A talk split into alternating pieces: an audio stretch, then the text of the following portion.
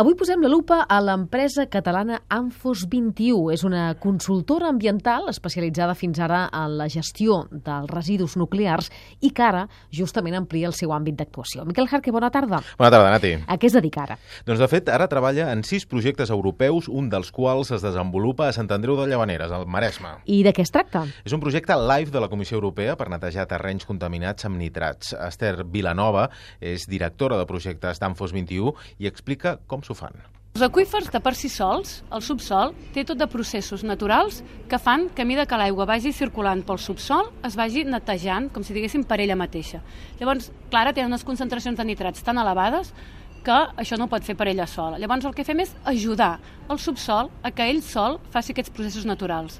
Com? Doncs en el subsol hi ha uns microorganismes que s'alimenten o poden eliminar aquests nitrats. Doncs nosaltres bàsicament el que fem, dit així que ens entenguem, és donant-los més menjar perquè creixin més i puguin eliminar aquests nitrats que hi ha a l'aigua subterrània.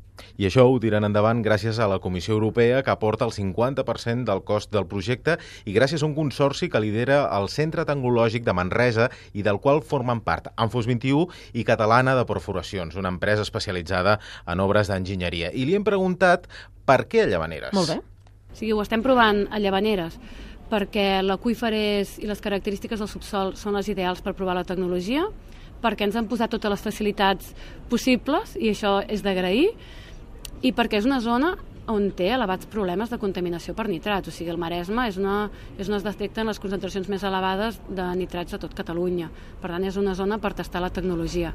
Ens podries concretar un pèl més a quina zona de Llavanera, en sí, concret? això és a la Riera, un quilòmetre del mar. És la zona on l'Ajuntament té els antics pous de bastiment.